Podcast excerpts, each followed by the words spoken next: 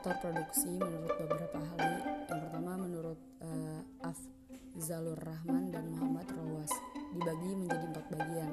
Yang pertama itu tanah, kemudian tenaga kerja, uh, modal, dan ditambah organisasi. Maksud organisasi adalah sebagian yang memper, memprakasai, merencanakan, mengarahkan, dan mengorganisir sesuatu usaha dikenal sebagai organisasi atau pengusaha.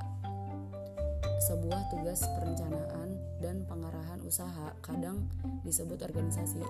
Organisasi juga merupakan faktor penting dalam sebuah produksi, sebab seseorang eh, sebab seorang pengusahalah yang menggunakan faktor-faktor produksi seperti tanah, buruh, tenaga, kerja, modal dalam porsi yang tepat dan memungkinkan untuk meraih produktivitas maksimum dengan ongkos yang minimal.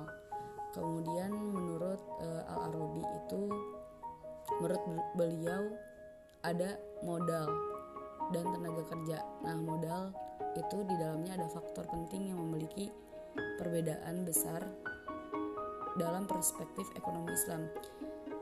Ini dikarenakan adanya unsur interest atau riba dalam modal pada ekonomi konvensional, sedangkan pada ekonomi Islam riba sangat dilarang dan juga amal e, tenaga kerja merupakan faktor asasi dalam produksi.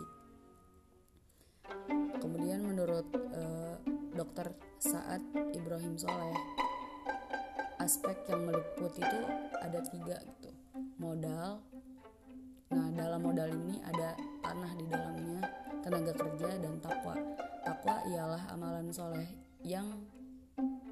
tujuannya adalah ridho Allah Ta'ala